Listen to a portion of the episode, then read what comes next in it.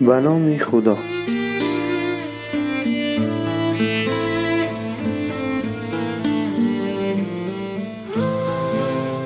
کتاب نامیرا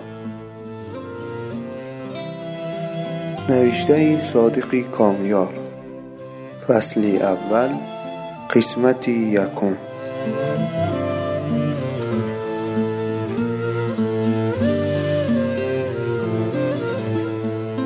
بیابانی تفریده و نوری لرزان خورشید ظهر بر دشتی ترک خورده و هرم سوزانی باد که خاک داغ و رملهای دست را بر سر و صورت عبدالله می پاشید و حرکت اسب خستهاش را کند می‌کرد. امی وحب که در کجاوه روی شطور نشسته بود پاچه رنگ باخته را کنار زد. نگاهی به اطراف و نگاهی به عبدالله انداخت که جلوتر از او در حرکت بود. خواست بگوید آب اما نگفت حتی به مشک عبدالله هم امیدی نداشت. با ناامیدی صبورانه دوباره پرده را انداخت. عبدالله یک باره ایستاد و رو به کجاوه بازگشت. صدایی بر نیامده امی وحب را شنیده بود؟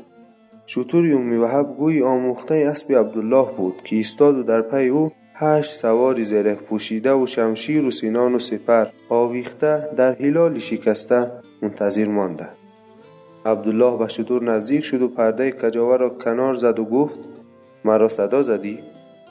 وحب که می دانست از آب خبری نیست گفت نه. عبدالله تشنگی جاری در نگاه وحب را می دید شرمنده گفت راهی تا فرات نمانده و زودی همگی سیراب می شوه امی وحب با لبخندی ترک خورده به عبدالله نگریست تا نگرانیش را بکاهد.